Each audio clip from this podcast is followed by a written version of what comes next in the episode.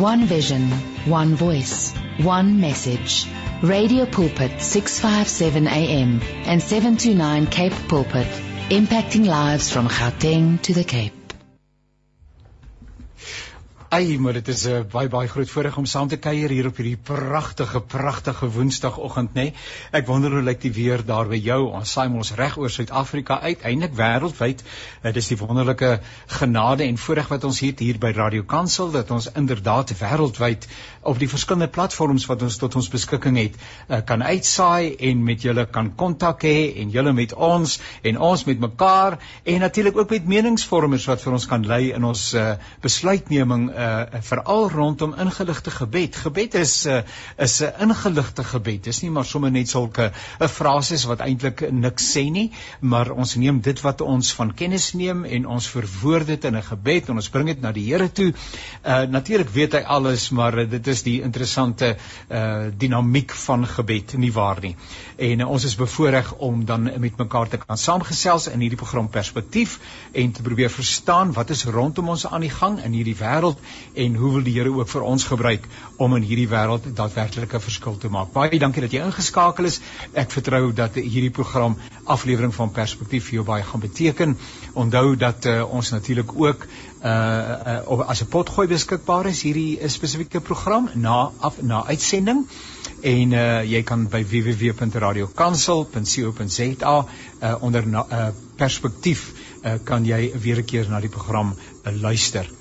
Nou, kom ons kyk net eers of ons ons deelnemers, hierdie eerste twee deelnemers bymekaar kan kry. Uh partykeer is daar 'n bietjie van 'n tegniese uitdaging en uh, ek het vir professor Pieter Labeskagni uh hier uh, uh natuurlik uh, as een van ons gaste, hy's emeritus professor van die departement van politieke wetenskap by Universiteit van uh, Suid-Afrika. Professor Pieter, ek uh, sien nog nie vir jou nie en ek uh, sien jou mikrofoon is ook afgeskakel. As jy net jou mikrofoon kan aanskakel of dan uh, kan uh, uh, aktiveer. Uh, dit is daai mikrofoontjie onder aan die aan die bladsy en uh, jy kan jou kamera ook aanskakel. Kom ons hoor bietjie professor Pieter, hoor ons vir jou?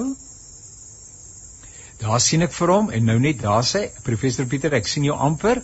Nou terwyl vir ons luisteraars, ons kuier via Zoom met mekaar. Uh en uh dit is uh, dit is lekker. Dit maak dit lekker persoonlik. Ehm uh, maar julle hoor natuurlik die klankbaan. Maar nou sien ek vir u, professor Pieter, hoe gaan dit vandag? Nee baie goed uh, Janie baie dankie. Ek is bly ons kan ten minste nou 'n bietjie vorder wat die tegnologie betref. Dit is 'n wonderlike stuk vooruitgang. Ons het in die verlede nog altyd via selfoon gesels ja. en nou kan ons mekaar ook sien. Dit is inderdaad 'n baie groot voorreg. Baie baie dankie dat u uh, beskikbaar is. En dan Roland het aanvanklik 'n bietjie probleme gehad, maar daar is hy. Dis Roland Henwood en hy's 'n politieke wetenskaplike en ook 'n kommentator. Hy is by die Universiteit van Pretoria. Hy's ook daar 'n dosent in die departement van politieke wetenskap. Roland, hoe gaan dit met jou vandag? Goeiemôre Jannie, baie goed, dankie en bly ek kon uiteindelik daarin sigbaar en hoorbaar by julle inskakel. Goeiemôre ook aan Pieter. Die wonder van die tegnologie nie waar nie. Baie baie dankie dat ons kan uh, saamgesels. Nou ehm uh, uh, ons ons is hier by mekaar om uh, ook aan ons luisteraars ehm um, 'n bietjie uh, rigting te gee, perspektiewe te gee op die dinge wat veral op die sosio-politieke ekonomiese terrein aan die gebeur is in ons gesprek vandag, veral dan op die politieke terrein, sodat die mense dit op sinvol kan inkorporeer in jou gesprekke met ander mense en dan ook in die besonder in jou voorbereiding. Uh en ons het in die afgelope naweek was dit natuurlik die groot konferensie van die ANC in KwaZulu-Natal. Ehm um, of die groot politieke kongres en die dinge wat daar plaasgevind het. Ek wil bietjie met u daaroor gesels en wat dan daar op die tafel gekom het. En miskien dan net ter aanvang asseblief professor Pieter, uh jou en uh, Roland se se indrukke van die konferensie, uh, was daar verrassings? Dis is was dit wat u verwag het en uh, hoe het u die konferensie, ek is seker dat u dit ook gevolg het, hoe het u dit beleef? Uh Pieter? Uh, Janie, nee, ek wil net sê dis lekker om weer saam met Roland 'n bietjie te gesels. Ons is ou kollegas, ons kom 'n lang pad saam. Hy by Tikkies, ek het in 'n stadium as gasdosent daar by hulle klas gegee en hom goed leer ken. So dis 'n voorreg om die die die skerm met hom te deel. Janie, nee, wat vir my betref natuurlik geen verrassing nie. Uh uh as ons net kan terugdink en net laat ons eers ons perspektief sien, wat is wat was hierdie konferensie wat plaasgevind het? Uh, want daar's verskillende konferensies. Hierdie konferensie was in 'n groot mate net 'n verkiesingskonferensie. Elkeen van die streke van die ANC kom afgevaardigdes bymekaar en uh, dit is 'n verkiesingskonferensie om die nuwe bestuur te kies. En wanneer hulle die nuwe bestuur kies soos wat nou hier plaasgevind het, dan kry mense 'n idee van hoe die wind waai. Nou mense moet een ding besef dat as jy kyk na hierdie konferensie, is dit baie duidelik dat die bestuurslede wat verkies is, is almal anti Ramaphosa mense die mense wat daar verkies word is in 'n groot mate uh gestimuleer of of geondersteun deur die sogenaamde nuwe Taliban groep wat hulle self nou in KwaZulu-Natal uh vestig. En hulle is groot Zuma ondersteuners en dis hoekom hulle hierdie uh, Wenzeni Zuma die heeltyd gesing het. Wat het Zuma gedoen? Dis natuurlik gerig aan aan president Ramaphosa wat op die wat op die verhoog gesit het. Wat nou by hier gebeur het is dat die verkiesing van die nuwe bestuur van die voorsitter visievoorsitter, die tesourier en al die ander lede van die van die komitee is verkies. So dit is eintlik 'n verkiesingskonferensie wat in elkeen van die streke gaan plaasvind. En nou daarna volg natuurlik in die verskillende streke die beleidskonferensies. En alles kulmineer op die ou einde aan die einde van die jaar wanneer hulle beleidskonferensie uh, gaan hou die ANC wat in 2017 in Nasrek plaasgevind het en dan word die nuwe ANC president kies. En dit is 'n baie kritieke oomblik vir ons land. Maar dis eers al wat ek wil sê, ek eers vir Roland 'n bietjie ook 'n kans gee, maar ek dink dit is alles in opbou tot 'n beleidskonferensie wat later hierdie jaar gaan plaasvind en dan die uiters belangrik in Desember, die verkiesingskonferensie wat gaan plaasvind waarin die nuwe ANC president en die topbestuur van die ANC verkies gaan. Baie dankie Roland. Ja, ek wil grootliks saamstem met die aspekte wat Pieter uitgelig het. Ehm, um, maar ek dink as ek 'n bietjie kan miskien uitbrei op van die punte, die uitkoms is nie heeltemal 'n verrassing nie. Ons weet dat die die ANC in KwaZulu-Natal het tog 'n eie soortige karakter en en 'n manier van doen wat baie meer na binne in die provinsie gerig is. En en ek dink dit onderskei die KwaZulu-Natal provinsie van ander daar's 'n baie sterk fokus na wat gebeur in daardie provinsie. En die ander aspek wat hier belangrik word en ons het dit gesien by die konferensie ehm um, en ek weet dit laat sekere mense in die ANC baie ongemaklik as 'n mens dit uitlig maar daar begin al hoe meer 'n etniese identiteit rondom die ANC in KwaZulu-Natal ontwikkel. En en en en dit het gewys in hoe die konferensie verloop het maar ook hoe besluite geneem is en gaan waarskynlik meer duidelik word soos wat die nagevolge van hierdie konferensie duidelik begin raak. Ek dink daar's 'n ander aspek wat belangrik is en dit is dat ja, die groepering wat ons as anti-Ramaphosa beskou het al die verkiesingsposte ingepalm, hulle het boshande gewen in die verkiesing. Maar daar's ook 'n ander interpretasie aan en dit is dat dis nie net 'n anti-Ramaphosa gesindheid nie. Dis ook 'n anti die vorige leierskap gesindheid en ek dink dis belangrik om dit uit te lig dat veral die premier van KwaZulu-Natal is nie gewild nie. Hy het nie vertroue by die mense ingeboesem nie en dit gaan terug vandat hy die dag oorgeneem het as premier. Hoe hy ontslaag geraak het van mense wat in die, die ampte was. Hoe hy homself gevestig het was nie effektiewe leier gewees nie. Hy was aanvanklik nie 'n Ramaphosa ondersteuner gewees nie. Dit het later gekom ehm um, daar het probleme gekom tussen hom en voormalige president Zuma. En dan het hy by kontroversiële besluite betrokke geraak. Ek dink die een wat die die on, mees onlangs in die nuus was is die ehm um, besluit met die oorstromings dat watertrokke wat vir gemeenskappe bedoel was, het letterlik by sy woon huis ingery en al die water by sy huis afgelaai voor iemand anders gehelp is. Nou dit ja. is die tipe goed wat 'n mens nie wil sien in iemand wat in so 'n belangrike pos is nie. En daar's baie duidelik aanduidings gewees dat indien die groepering wat die Ankole groepering soos wat in die media gedoop is, die Pro Ramaphosa groep, indien hulle 'n ander kandidaat gestel het, sou hulle waarskynlik beter gedoen het. Ek weet nie of hulle sou die verkiesing kon wen nie, maar hulle sou waarskynlik baie beter gedoen het. En ek dink dit dui vir ons die dinamika maar ook die kompleksiteite binne 'n provinsie soos KwaZulu-Natal aan. Jy het nie net te doen met 'n pro en 'n anti-groepering nie. Jy het ook te doen met ander versplinteringe en en ander dinamika wat onderliggend daarin is. Wat belangrik is want dit sê vir ons dat mense nie net blindelings besluite neem nie. Daar word tog gekyk na ander aspekte. hoe aanvaarbaar is die huidige leierskap nie net binne die nasionale konteks van die party nie, maar as effektiewe regering. En daai die ANC dink ek foute gemaak, hulle het die verkeerde mense dalk 'n vorm van lojaliteit of kom ons maak nie te veel veranderinge te vinnig nie. Maar dit het uitgespeel in hierdie konferensie en en ek dink ons kan dit maar sê tot nadeel van president Ramaphosa. Ehm um, want dit het nou 'n klomp ander gesprekke oopgemaak in die ANC wat die party waarskynlik nie nou eintlik wil voer nie. Dis miskien dat ek eers daarby vol staan. Dankie Jan. Ja, baie dankie en ek ek is bly dat jy voortgaan om vir ons leiding te gee uh, professor Pieter en en Roland.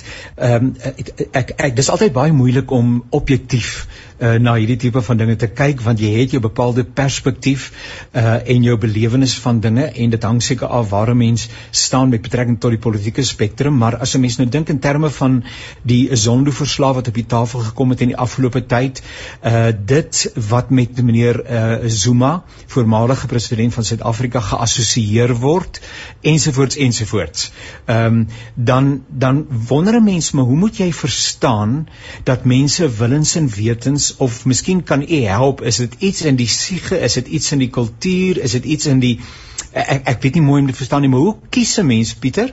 Hoe kies jy willens en wetens vir 'n bepaalde traject wat aan korrupsie en uh, verkeerde optrede en 'n uh, gebrek aan integriteit ensovoorts ensovoorts wat daarmee geassosieer word. En, en in so 'n mate dat jou totale leierskap en dat met ander woorde die sang van die begin af met ander woorde daai tipe van atmosfeer adem. Hoe hoe gebeur dit? 'n Mens kom ons sê mens dink mos. Ja. Ja, nee, voordat ek die vraag antwoord, ek net iets uh, byvoeg by wat ons net nou oor gepraat het. Ek dink Uh een ding natuurlik is dat mense hierdie tipe van vyandigheid in in Roland het daarna verwys. Het jy natuurlik verwag in KwaZulu-Natal? Want een van die groot redes is is dat ja, dit word beskou as die provinsie met die meeste afgevaardigdes na die na die na die uh, uh verkiesing uh, later in die jaar. En hulle is in 'n baie groot mate in 2017 het hulle 'n skoue skouer gekry toe hulle die toplede van die ANC moet verkies. Want geen een van hulle lede het op daai topbestuur gedien nie. Ek dink daar's 'n groot mate van ongelukkigheid daar. Ek soos Roland korrek uitgewys het, dit is natuurlik 'n hele etniese kwessie waarmee mense hier te doen het wat baie sterker na vore kom. Maar ek dink net mense moet baie versigtig wees om nie te alarmisties te wees in hierdie stadium nie. Mense moet eers sien wat die patrone is wat by die in die ander provinsies ook uh, gaan ontwikkel en wat gaan uitspeel. Ek meen mense gaan verwag in die Noordwes provinsie dat daar ook nie veel wat steun vir die Ramaphosa kamp gaan wees nie, maar elders het hy natuurlik baie sterker steun. So mense sal eers na daardie dinamika moet kyk. Ja nee, ek dink die groot vir myns en siens die manier waarna ek daarna kyk is is dat uh, ons het ons is geneig uh, om uit 'n baie westerse perspektief te kyk na na politiek. En dit ons maak ons 'n groot fout daarmee ek weet dit is nou al 'n sosioloog wat miskien al bietjie 'n lang rak leeftyd het, maar Max Weber het natuurlik dit vir nog altyd die beste verduidelik is dat uh, wanneer 'n mens na loyaliteit kyk, kan jy uit 'n rasionele oogpunt daarna kyk, maar jy kan ook uit 'n tradisionele historiese oogpunt daarna kyk. En die manier waarop die ondersteuners van Zuma in KwaZulu-Natal na Zuma kyk en dit wat rondom hom gebeur het, die hele saak rondom die korrupsie, is nie uit 'n sterk rasionele uh, perspektief nie. Ek meen die Zondo kommissie het 'n het 'n rasionele regsondersoek gedoen na na korrupsie wat gepleeg is en wandade wat gepleeg is. Maar wanneer jy in die in die etniese soort van politiek daarna kyk, dan speel tradisie 'n baie groot rol. En dit is waarom mense altyd sien wanneer Zuma met sy ondersteuners handel, handel hy altyd uit hierdie charisma, hierdie uh, historiese perspektief waarin hy steun kan kry. Dis hoekom hy altyd sing na die hofsaake. Dit is hoekom hy is baie sterk steun in die tradisionele gebied het wat dit nie so swart en wit sien soos wat ons dit sien nie. Uh, ek meen die gee van geskenke baie keer wat deel vorm van van van korrupsie word nie sonder meer deur hulle in 'n negatiewe manier gesien nie uh, want hulle kyk op 'n spesifieke manier na iemand wat binne soort van in die tradisionele konteks beweeg. So wat ons miskien mag sien as korrupsie en verkeerd word nie so sterk gesien deur uh mense in die tradisionele gemeenskappe nie want daar's 'n bepaalde uh, bewondering wat daar is wat daar bestaan vir iemand soos so so soos Jacob Zuma. Wie altyd die beste voorbeeld vir my is Ek het by omtrent elke verkiesing, algemene verkiesing wat in Zimbabwe plaasgevind het, was ek daar gewees. En dit is vir my verstommend geweest dat 'n land wat besig was om in die afgrond bestuur te word, is hoe sterk steen Robert Mugabe nog steeds in die plattelandse gebiede gehad.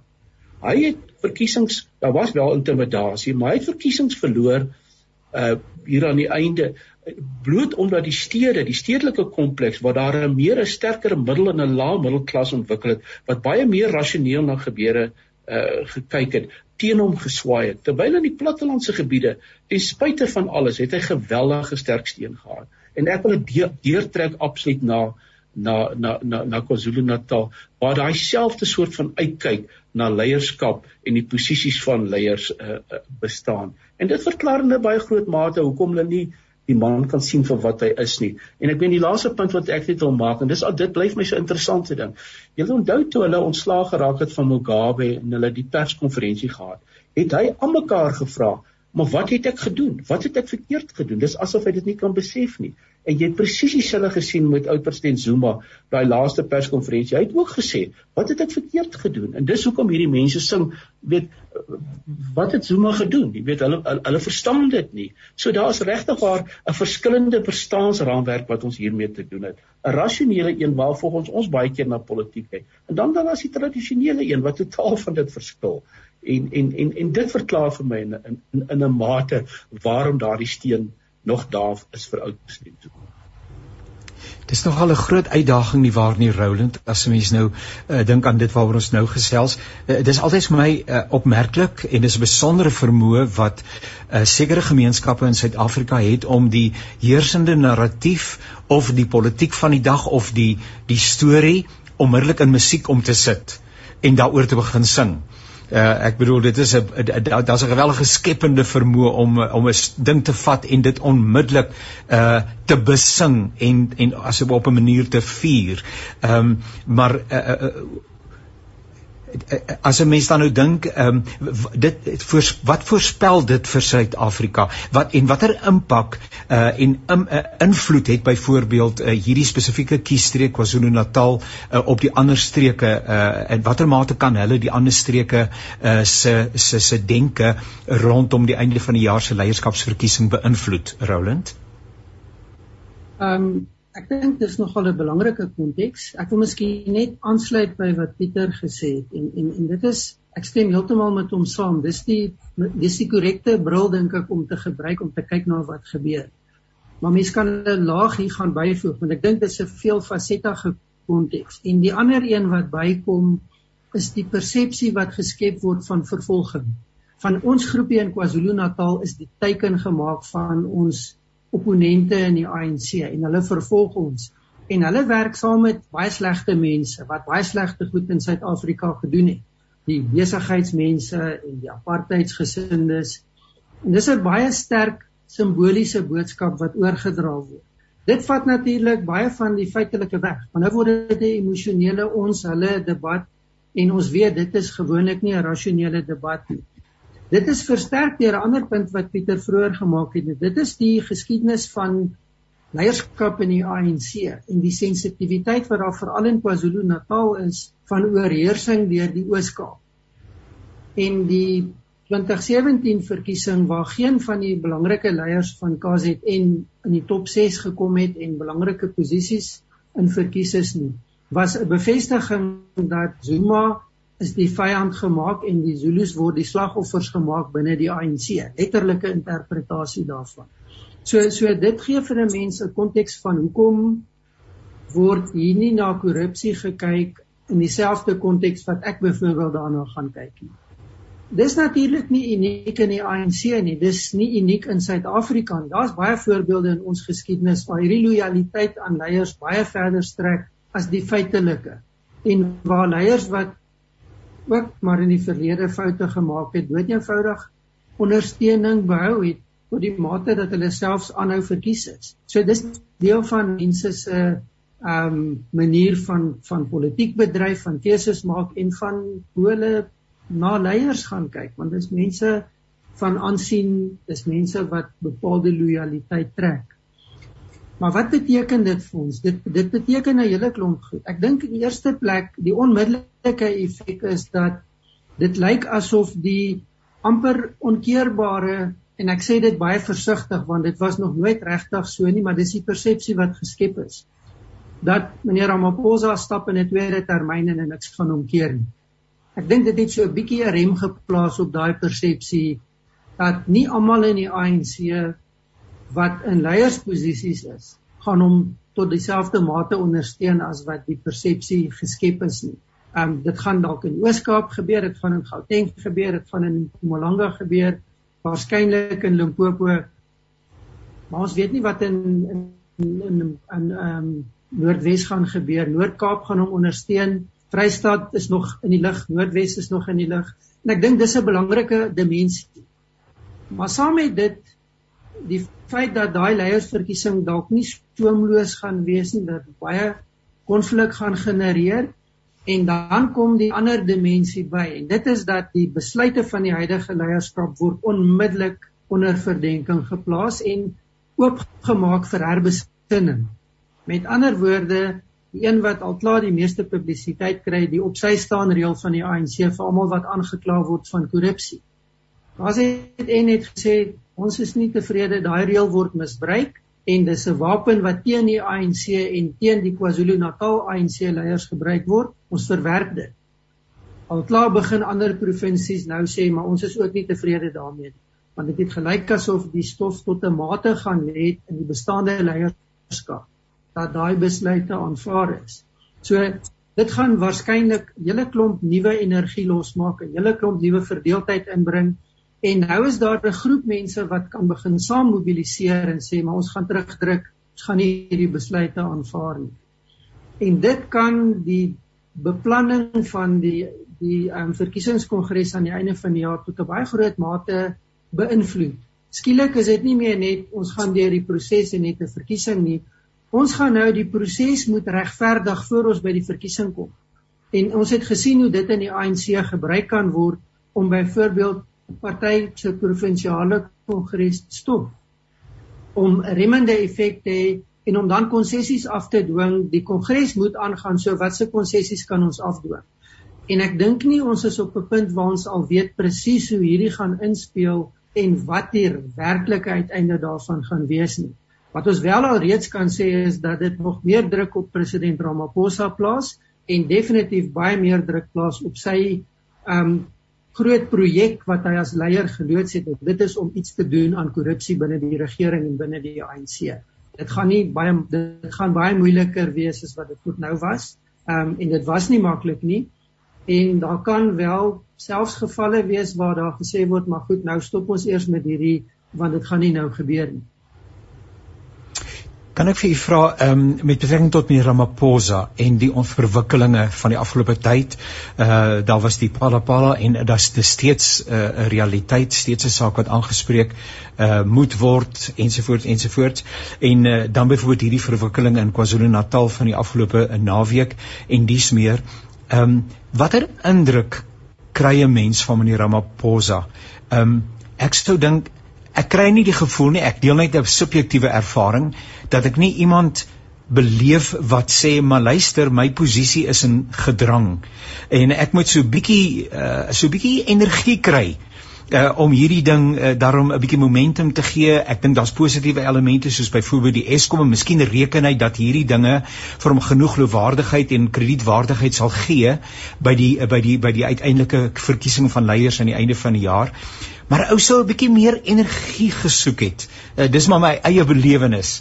Ehm um, ook rondom die Pala Pala as hy van die begin af kon hy hierdie hele saak in die bed gesit het, maar dit voel vir my baie keer asof hy voel, weet jy, as ek die einde van die jaar dan nou nie die mas opkom nie, uh, ek ek het dit nie nodig in my lewe nie.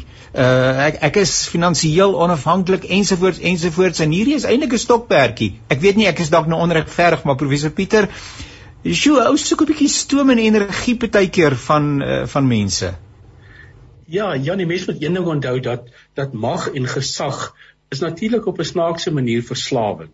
Het jy een keer mag en gesag in jou hande gehad het, dan raak dit vir jou belangrik en jy gee dit nie maklik prys nie. Ek meen ons het dit nou met Boris Johnson gesien uh, die Britse premier hoe hy vasgeklou het aan mag en gesag binne in in in in Brittanje. So mense sal die redes nooit werklik weet waarom sal iemand wat soveel materiële middele beskik soos Ramaphosa hy weet hy kan reg rustig op sy wildsplaas gaan uitspan dan laat ja. hy homself met al hierdie goed bemoei. Maar ek dink as mens eers in daai posisie is en jy daai jy daai geleentheid en ek dink tog as mens kyk na Ramaphosa daar's 'n daar's 'n baie sterk etiese komponent by hom om te probeer om goed te doen. Ons kan nou wel oor sy energie. Ek het ook soms gedink dat hy hanteer sake, jy weet, nie, nie op die korrekte manier nie. Mense sal meer energie van hom van hom verwag want want ek meen dit is vir my een ding baie duidelik is dat hier 'n groot stryd vir hom wag met die verkiesing met die verkiesing van die nuwe uh, ANC of die verkiesing van die ANC president. Maar daar gaan geweldige uh, uh, teenstand uh, teen teen hom wees. Mense weet nie wat gebeur agter die skerms nie. Dalk is hy agter die skerms hard aan die werk om homself weer verkies te kry. Wat vir my bekommerd bekommerd is is die is die aanslag wat hy uit KwaZulu-Natal teen hom gaan kry. Veral hierdie nuwe Taliban uh, 'n uh, groepering weet wat na vore gekom het en natuurlik hierdie radikale ekonomiese transformasie wat wat wat geluide maak wat die gewone mens sal bekommer. Uh, ek weet nie of uh, wie uiteindelik hulle kandidaat gaan wees wat hulle gaan teen Ramaphosa stel nie. Dit kan Lindiwe Sisulu wees, dit kan die Mkhize wees, die vorige minister van gesondheid. Maar maar vir voorbeeld vanoggend het Lindiwe Sisulu gesê dat dat uh, weet as sy die sê het dan sal geen skool oopmaak as hy nie 50% wit en 50% swart is nie. Dit is taamlik ja. omstrede radikale goed wat gesê word. Dit is ja. iemand wat rasioneel oor dinge kan dink soos Ramaphosa nooit byvoorbeeld sal sê nie. Ja. So dit bekommer my en ek het dit al baie gespreksforums, die goedjies wat ek skryf, sê, skryf ek ook daaroor. Dit bekommer my dat mense nie besef hoe belangrik van hierdie verkiesing wees aan die einde van die jaar van die nuwe ANC president. En die verwagting is natuurlik dat die ANC onder 50% drempel gaan draai met die met die volgende algemene verkiesing. Maar met 'n koalisie met twee of drie van die kleiner partye kan hy weer 50% meerderheid kry en natuurlik uit die aard van die saak die die ANC president as hy die meerderheid in die in die nasionale vergadering het sal natuurlik die nuwe president dan nou lewer. Ek vrees die dag wanneer en ek sê dit werklik waar ek ek wil nie mense onnodig bang maak nie maar uh, ons kan nie 'n situasie kry waar die radikale ekonomiese transformasie met met met met voorstelle soos 'n 50-50 verdeling by 'n skool in die beheer van hierdie land wees nie. Ons gaan ons werklik waar in 'n baie moeilike tyd bevind as dit wel die geval is. So vir my is dit 'n kritiek belangrik wat gaan gebeur aan die einde van die jaar met die verkiesing van die nuwe ANC president. Nou kan ek op hierdie sal net vir professor Theo Netling verwelkom. Ehm um, ek het eintlik wou eintlik met hom hallo uh, professor Theo, hoe gaan dit met u vandag? Hallo Jannie, dit gaan goed en ook aan die twee uh, kollegas daar wat ek albei baie goed ken. Dit is goed om julle te sien. Baie dankie. Nou ek het aanvanklik vir professor Theo gevra om na oor, oor een of twee ander sake te gesels, maar nou besef ek hier sit ek met drie geleerde uh uitgeleese, bekwame uh politieke wetenskaplikes. Wat 'n voorreg. En as u vir 'n rukkie kan aanhou uh prof Pieter en Roland en ek het vir Theo dan kan ons nog net lekkerder gesels en uh miskien wil professor Theo net aansluit my en en Roland miskien ookie. Ek ek het die opmerking gemaak 'n ou sou 'n bietjie meer energie uh gesoek het by iemand wat uh, wie se uh, toekoms as dit ware op hierdie stadium nie heeltemal so seker is nie. Ek praat nou van meneer president Ramaphosa en dit wat aan die einde van die jaar kan gebeur rondom die leierskapsverkiesing en die gebeure in KwaZulu-Natal uh, met die leierskap daar wat uh, uh, afleer is met die Red faksie en so aan. En uh, ek, ek wonder as wil u 'n bietjie daar aansluit dalk uh, rondom die energie van meneer Ramaphosa of weet hy iets wat ons nie weet nie? Sjoe, ek weet nie of ek baie kan byvoeg nie, maar laat ek net sê ek dink ek stem nogal saam met Pieter uh oor die kwessie van mag. As jy dit nou eers uh het, dan is dit moeilik om dit prys te gee. Mense sien dit eintlik maar in die besigheidswêreld en op ander plekke ook, soms by universiteitsbestuure en in dies meer. Maar ja, dit is dis vir my altyd verbasend dat mense in hulle 70's uh nog so aktief kan wees. Ek weet die meeste van die akademici wat ek ken, dink aan 65 die die die die dag kom dat jy moet aftree en dan hou jy jou besig met ander dinge. Pieter sal nou vir my uh, vir julle kan sê met skryfwerk en dis meer. Maar die politici is dit uh, hoegenaamd anders en ek meen die mense het besige skedules. As ek het nou gaan kyk uh Nkosazana Dlamini Zuma so 'n uh, paar dae terug is genoem as 'n moontlike kandidaat. Ek net sy's in haar 70's, maar sy's sy's waarskynlik nog ambisieus, net soos die president. Uh hy's nie 'n jong man nie. En desondanks gaan hierdie mense net eenvoudig aan. Ek ek verstom my oor iemand soos uh Joe Biden op sy ouderdom wat hy nog kan doen en hy het 'n ontsettende besige skedule. Hy vlieg rond, hy het geweldige druk. Uh hy moet die verskillende uh buitelandse reise onderneem na die uh, organisasies wat wissel van die van van NAVO tot wie weet waar uh, wat hy uh, hy gaan Midde-Ooste toe in in in ander plekke. So dit is net eenvoudig vir my verstommend die watter soort van energie van hierdie mense wel het en en en die dryf om nog steeds aan te gaan en ten spyte van die verskriklike aanslag wat hulle verduur, die vernedering partykeer. Nou ja, daarmee stop ek nou eers. Kan ek vir u vra en eh, en en dankie uh, Prof Theo dat jy by ons aangesluit het. Uh, daar was 'n gedagte wat ek nog met Pieter hulle wou getoets het, maar ek sal dankbaar wees as hy as hy saamgesels en dit is die kritiek wat uh, meneer Thabo Mbeki uh in die onlangse verlede, dit was rondom die afsterwe uh van uh Jesse Duarte uh en eintlik baie baie eerlik en reg het gesels het oor die pad waarop die ANC homself bevind en nie geskroom het om uh, te waarsku uh, dat uh, die dinge baie sleg kan uitspeel in die toekoms nie. Uh, uh hoe, hoe uh, en en hoe moet 'n mens daarna luister? Dink jy hy vat dinge raak? Dink jy daar's 'n gehoor aan die ander kant? Jy kan ook maar sê ek waarsku, maar daar kan mense wees wat sê ag nee wat, uh jou tyd is verby en uh jy is eintlik uh heeltemal irrelevant. Uh, uh Rolands Ja, ek ek dink 'n mens moet baie versigtig gaan kyk na die kritiek kritiek van president Mbeki en en tot 'n mate sluit dit aan by die vorige punte wat gemaak is van mense wat mag het en mense wat nie meer mag het nie. Ek dink die eerste punt wat vir my belangrik is van president Mbeki se kritiek op die ANC is ja, mens kan met baie daarvan saamstem. My probleem is egter dat hy die oorsaak van baie van hierdie probleme is wat hy ja. nou kritiseer. Dit is nie goed wat meneer Ramaphosa geskep het of selfs wat meneer Zuma geskep het nie. Hierdie ja. is die direkte gevolg van meneer Mbeki se leierskapstyl en beleidsbesluite wat hy nie geneem het nie alhoewel hy baie deeglik ingelig was daaroor. So dit is baie maklik om nou kritiek uit te spreek en te sê dis die nuwe president se skuld.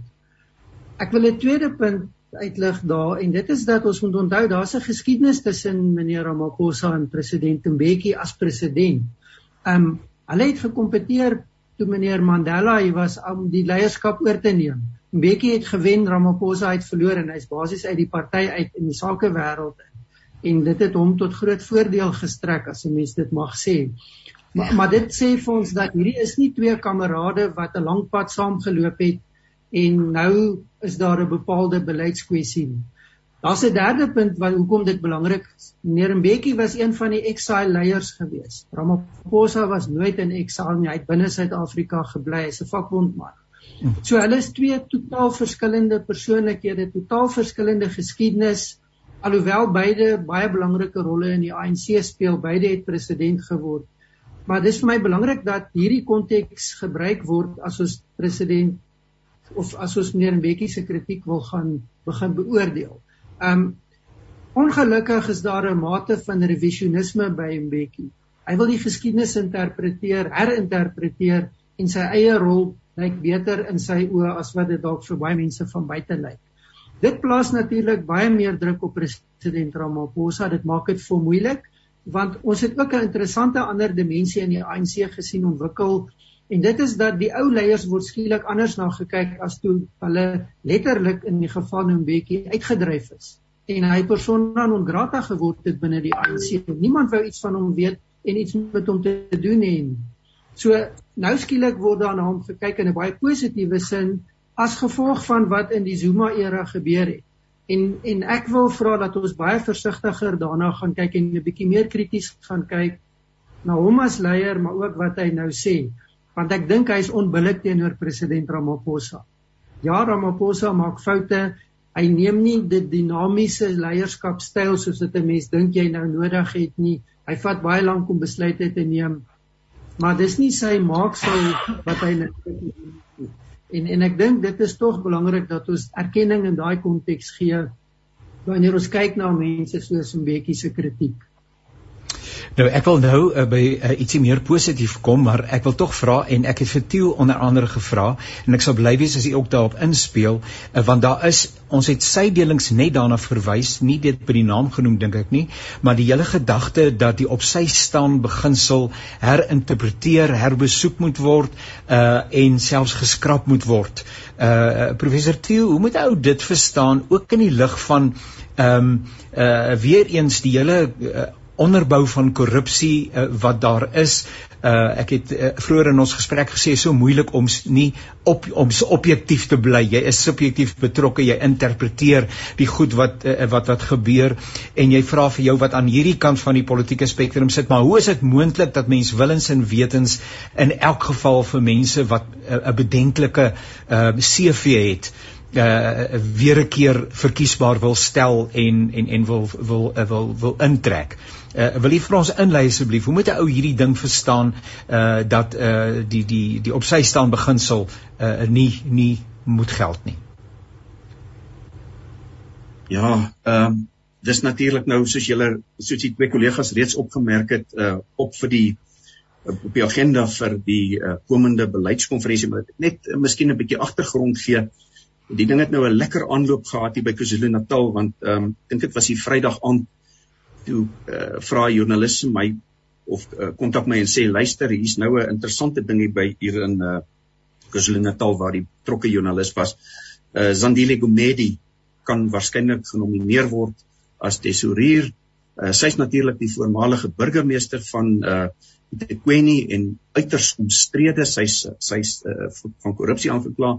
So sy moet nou op sy staan. So hy sê wat wat gaan nou hier gebeur dink ja. jy? ehm um, kan so 'n persoon genomineer word. Sê ek wel as hulle die op sy staan re eh, reël eerbiedig, as dit enigstens iets werd is, ehm um, dan sal sy nie genomineer word nie. Dit het uiteindelik toe so gebeur want uh, en ek het my woorde was nog ek onthou dit goed dit sou van die ANC 'n gekke spul maak maar soos die kollegas nou baie mooi verduidelik het die Taliban is nou uh, as ek dit so maar stel nou in beheer daarvan KwaZulu-Natal. En die en dis reeds gesê uh, hulle is nou uh, vasbeslote om die reël ehm uh, te te verwyder wat natuurlik die weg sal uh, oopmaak vir uh, die uh, Vrystaatse uh groot man hier by hier naby my wat uh, dan weer 'n kans kan kry om in die die politiek te betree. So ek ja. dink hier is duidelike duidelike faksies wat te mekaar is. Maar nou moet ek terselfdertyd sê so sterk soos wat die KwaZulu-Natal geleedere ten gunste daarvan is uh, weliswaar baie baie baie kleiner in getal het die klomp Noord-Kaapenaars uh, ook hier die afgelope naweek konferensie gehou en hulle is weer ten ten gunste daarvan. So hulle het gesê Ehm um, hulle sal dit een het gesê dit is 'n saak van lewe en dood. So 'n mens sien hierso ehm um, 'n ding wat kan uitspeel hier naweek dit dit beloof om uh, vir opwinding te sorg vanuit ons oogpunt as uh, as mense wat so 'n bietjie na die politiek kyk. Maar die die die punt is die spanning is daaroor aan die oplaai en dis geweldig belangrik. Dit is ontsettend belangrik vir die pogings wat president Ramaphosa tot dusver probeer daarstel het om die ANC, wel nie net die ANC nie, maar die regering en alles daarmee saam in 'n beter spasie te sit as ek so kan sê wat korrupsie betref en ook vir vir ons wat aan hierdie program deelneem in aansluiting by by by by dit waarvoor Radio Kansel staan om korrupsie te te werk want ons kan eenvoudig nie meer met hierdie verskriklike diefstal en tenderbedrog en en en tenders wat vir seksuele belange gebruik word voortgaan nie. So, punt is, die vraag is gaan president Ramaphosa se hand gesterk word of gaan hierdie ouens uh hulle sin kry die terugslaan poging wat ons reeds oor die naweek al gesien het kom. Ehm um, en dis vir my die belangrike ding. Ek dink dit gaan rigtinggewend wees vir uh, pogings binne die ANC en in die groter geheel om 'n bietjie sterker te werk met korrupsie en korrupte politici eenkant te hou Professor Pieter, wil u iets hierop reageer? Ja, ek sal graag wil uh, Jannie. Ja, die interessante ding vir my is natuurlik is dat die op sy staan reël het heelwat moed gegee vir presies daarna wat Theo nou nou verwys is dat ons op 'n moreel etiese vlak 'n baie hoër standaarde stel. Natuurlik was dit omstrede geweest as mens dood eenvoudig kyk na die die stelreël en die bewysreg dat iemand onskuldig is totdat hy skuldig bewys is. Maar ek dink terselfdertyd daaraan dat uh, as mens net bloot na 'n werksituasie sou kyk, as iemand uh, by die werksituasie een of ander probleem rondom hierdie persoon is en daar daar volg 'n interne ondersoek, dan word so 'n persoon baie keer geskort en en en word hy dalk op betaalde verlof geplaas. So dis 'n dis 'n baie interessante parallel wat mense hier het. Maar ek meen soos Tieu daarna verwys, watter tipe boodskap stuur ons dan uit? Stuur ons 'n boodskap uit, ek bedoel nou ons as land, dat ons ernstig is om op te tree teen korrupsie en dat 'n persoon twee keer sal dink voordat hy 'n uh, 'n uh, uh, korrupteer. Wat vir my verstommend is, ten spyte van alle pogings wat nog aangewend is by Eskom, duur korrupsie nog steeds voor en kom maar nog steeds bedrag bedrog voor. Dit wys net dat dood eenvoudig daar nie 'n 'n vrees bestaan dat jy dalk uitgevang uh, kan word nie. So wat my betref, ek sal my graag by die Noord-Kaapenaars wil skaar, want dit is 'n stap in die regte rigting. Dit wys dat ons ernstig is wanneer dit gaan oor oor bedrog. Maar as ons by 'n punt kan kom waarin daar in in mense moet baie moet baie goed onthou is dat dat howe is baie versigtig want jy kan nie 'n persoon twee keer vir dieselfde misdaad verhoor nie. Sodat indien 'n persoon aangekla word, glo ons dat daar prima facie dat daar voldoende bewyse teen so 'n persoon is want hy gaan nie ligtelik aangekla word soos wat die geval is met Ysmakashule nie. So uh, op basis daarvan alwel dit 'n hoër standaard stel as wat mense onskuldig tot jy skuldig bevind is in 'n in in 'n hof ook dit met die feit dat ons die integriteit van ons nasionale vervolgingsgeslag uh aanvaar dat daar werklik sterk bewyse teen hierdie persoon is en op basis daarvan behoort so 'n persoon op sy te staan en behoort hy as 'n voorbeeld te stel weet vir verander dat dit gebeur met jou wanneer jy korrupteer en wanneer jy geld steel wat wel die geval is maar dit gaan totale verkeerde boodskap uitstuur as as ons toelaat of as die ANC toelaat dat hierdie stelreël op sy val. Jou kollegas help vir my asseblief? Uh rondom ehm um, het ek dit reg dat van vandag af 'n beleidskonferensie van die ANC plaasvind? Ek ek het gevoel professor Pieter plaas 'n bietjie in die toekoms maar my verstaan was uh, ek het eintlik gedink van môre af maar gisterand hoor ek die dame op die TV sê van vandag af is die beleidskonferensie van die ANC nou nou en dit loop dan nou uh, is 'n voorloper tot die leierskapsverkiesing aan die einde van die jaar. So wat wie is by so 'n konferensie en wat gebeur daar? Uh, professor um, Theo wil u vir ons inlei uh, asseblief wat, wat wat gebeur nou by die beleidskonferensie konferensie want ek weet uh, het ek gelees gisteraand dat onder andere hierdie op sy staan beginsel daar herbesoek moet word. Ja, die ehm um, beleidskonferensie uh, sal deur al die streke verteenwoordig word, al die verskillende vertakkings van die ANC, die verteenwoordigers, die ouens wat nou die afgelope naweek byvoorbeeld in KwaZulu-Natal en hierso in die Noord-Kaap uh, aangewys word. So hulle kom in hulle getalle uh, verteen uh, byeen En natuurlik die KwaZulu-Natalers is geweldig sterk in getal. Ek skat hier tussen 20 en 25% iewers as ek as ek dit nou nie verkeerd het nie. Roland uh, kan my dalk reghelp. Hy's baie keer beter met die goed as ek. Maar dis dis dis dis 'n baie groot uh, klomp afvaardiging uh, afgevaardigdes van KwaZulu-Natal. Hulle gaan hulle gaan 'n klompie uh, dokumente deurwerk. Ek dink daar was so 10 dokumente. Ek het uiteraard nou nie deurgelees nie. Dis 'n dis 'n lot leeswerk. Ek hoop ek weet nie of almal die leeswerk gaan doen as hulle daar aangekom het nie, maar dit gee 'n ou 'n idee van wat daar na vore gaan kom. Ek wil ook wys sê daar was so 'n bietjie van 'n aanloop. Uh ek dink president Mbeki het waarskynlik 'n paar goed laat val voor die beleidskonferensie. Ehm uh, en die president het daarop so half gereageer eintlik uh met sy met sy ehm um, afsluitingstoespraak by KwaZulu-Natal. Uh dit daar's daar's 'n klomp organisatoriese dinge binne die ANC wat problematies is. Ek kan nou daarna verwys, maar ook beleidsgoed. Ehm um, so en dit dit val vir my binne daardie raamwerk van dit wat die die oud president en die huidige president dan nou uh gesê het in die afgelope tyd. Uh Die die feit is hulle gaan ou beleid herbekyk, herbesoek. Hulle gaan waarskynlik nuwe beleid op die tafel plaas. Uh een van die goed wat hulle byvoorbeeld sal moet uh na kyk, 'n nuwe ding is dit wat uh, ek dink Pieter nou reeds na verwys het, hierdie onderwys te uh, kwessie 50% uh, uh wit en 50% swart in skole. Nou ja, uh dis een van die goed uh, wat dan nou na uh, gekyk sal word, maar daar's 'n horde ander goed. Ek dink die een belangrike ding wat uh byvoorbeeld na vore sal kom is die stand van die ekonomie, die noodsaak vir 'n groeikoers armoede.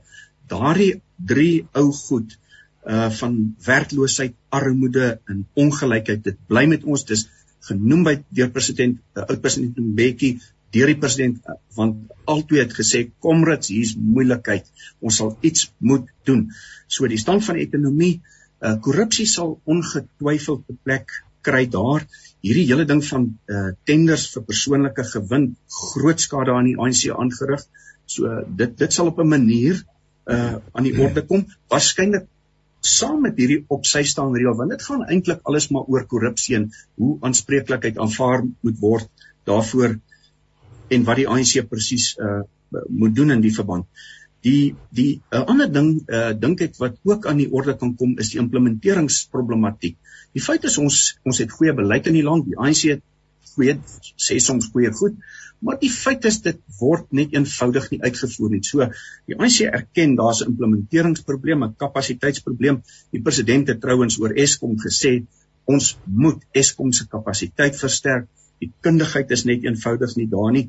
En dan die ding wat uh, ek dink Pieter het dit aangeraak as ek nie verkeerd is nie, die ANC se is se getalle wat dreig om in die volgende verkiesing minder as 50% te gaan. Dit beteken hulle gaan koalisie uitdagings sê. Die ANC sal homself nou hier moet red as hy kan, bygesê. So dis die soort van goed en dan uh, nog een wat nou uh, op die televisie was met die nuus en dis meer die immigrasie beleid uh uh minister Aaron Aaron Motsoaledi ja kyk na die hele kwessie van wie kan die land inkom onwettig en wettig ek vermoed dit staan ook in die agtergrond van uh toenemende xenofobiese gevoel onder sommige in die land. Ja. Operasie Dudula, hoe werk ons met die goed uh die soort van aantuigings wat daar gemaak word dat buitelanders mense se werk neem. Uh so hulle wil waarskynlik 'n bietjie beter beleidsmatig die goed um bekyk en en iets op die tafel plaas. Uh en dan wil ek net sê uh onderliggend aan die beleidsverskille is hier vir my 'n geweldige belangrike ding wat Kossatu uh ek dink gister gesê het hulle die ANC is 'n bietjie daarvan beskuldig dat hulle kapitalistiese beleide volg wat volgens hulle, ek hulle woorde, ja. nie die mense dien nie. So dit is nog hierdie ou ideologiese stryd in die ANC oor die rol van die staat in die ekonomie. Moet die staat 'n minimalistiese rol of 'n maksimale rol inneem? Moet die staat die dinamo van die ekonomie wees of moet dit verplaas word na die na die na die markte, die privaat sektor? Ons het nou gesien met Eskom uh dat daar so 'n bietjie van 'n deregulering kom. As 'n mens nou die vloekwoord wil gebruik, dan is dit privatisering. So ja. hierdie hierdie goed uh gaan waarskynlik ook dan by die konferensie uh, op 'n manier aan die orde kom soos uh, of dit nou regstreeks of onregstreeks is. So rigtinggewende goed wat my betref nou in hierdie stadium. Nou kom ons gesels dan nou ten slotte ons het enkele minute oor en uh, die aankondiging rondom Eskom en die program uh, wat aangekondig is uh u gedagtes daaroor uh, Roland Ek dink hier's 'n voorbeeld van wat kan gedoen word redelik vinnig as die druk groot genoeg is. Skielik sien ons hier president Ramaphosa kom in en daar's omtrent geen beperkings wat hy toelaat om in die pad te staan nie. En ek dink dit is wat nodig is in die regering. Die belangrike vir my is as ek teruggaan na die punte wat Theo gemaak het. Ons sit met basies drie belangrike kwessies wat in die beleid van die ANC hanteer moet word wat aan die einde van die jaar gaan uitspeel maar wat ook op die regering invloed het. Ideologiese konteks wat die ANC sit is uitgedien, maar hulle kan hulle self nie losmaak daarvan. So hulle gebruik die terminologie maar in 'n heel ander konteks. En dit bring mense by wat is die rol van die staat vorentoe? Dan kom ons by kwessies soos kaderontplooiing. Dit is een van die groot kwessies wat Eskom ondermyn het, wat korrupsie um, in die hand gewerp het. So hoe gaan dit hanteer word? Tweede ding is wat gaan die rol van die regering vorentoe wees? As ons na die energie kyk, dan sê president Ramaphosa, die regering staan 'n bietjie terug en maak ook vir ander rolspelers wat die vermoë, die kundigheid en die geld het om oplossings te bring. Um kom ons wees eerlik ons moes lankal by daai punt gekom het in Suid-Afrika, dan sou ons sekere goed anders gedoen het as wat nou die geval is. Die derde belangrike punt vir my wat hiermee verband hou is, wat is die rol van die ANC as party vorentoe? En dis krities want daar's 'n faksie in die ANC en ons sien dit in hoe die goed in KZN uitgespeel het die naweek wat die party beskou as verhewe bo alles. En die partybelange en daarmee saam die leierskap van die party se belange kom eerste. Dit dit dit is wat hanteer moet word en dit is die persepsie wat nie net geskep is nie maar wat ook uitgeleef word um in die RET faksie loop dit baie sterk. En en dit is die kritiese goed wat president Ramaphosa uiteindelik nou vir ons gesê met sy energieplan ek stap weg van hierdie benadering en hierdie goed af indien die regering kan volhou daarmee en en en dit suksesvol kan doen gaan dit waarskynlik baie positief vir almal in Suid-Afrika wees, ook vir hom as ANC leier, ook vir die ANC as party. As hulle nie gaan wegstap van hierdie benadering nie, gaan ons nog meer ellende kry, meer probleme kry, want ons regering het nie meer die vermoë om op te tree soos wat hy in Bekkie se tyd gedoen het en aanvanklik in Zuma se tyd gedoen het nie. Daai vermoë is tot 'n groot mate afgebreek. Nou kollegas, as ons nou al hierdie goeters waaroor ons vanoggend gesels het wil knoop in 'n slotopmerking of twee, uh, ons het uh, letterlik 4 minute. So professor Pieter, waar is ons Q-waardes by wyse van spreuke? ja, nee wel natuurlik Jannie lê hier vir ons uitdagende uh, tyd voor. En ek meen die groot dryfveer en die, dit wat dit kan verander is natuurlik die aanspreek van probleme in die land en en natuurlik die dinamo van ons van ons ekonomie as ons dit kan gebruik. Maar voordat dit ek wil net net een slotopmerking uh, maak en my twee kollegas het daarna verwys is dat baie van hierdie probleme kom natuurlik 'n baie lang pad. En die kritiek wat oud president Mbeki uh, gehad het, raak hy punte aan wat werklik kardinale punte is. Maar die punt is net is dat die baie van hierdie probleme het vererger. En een van die groot probleme wat ons in die gesig staar, is die gaping tussen ryk en arm uh, in die land. En die probleem daarmee is is dat hierdie gaping al groter word.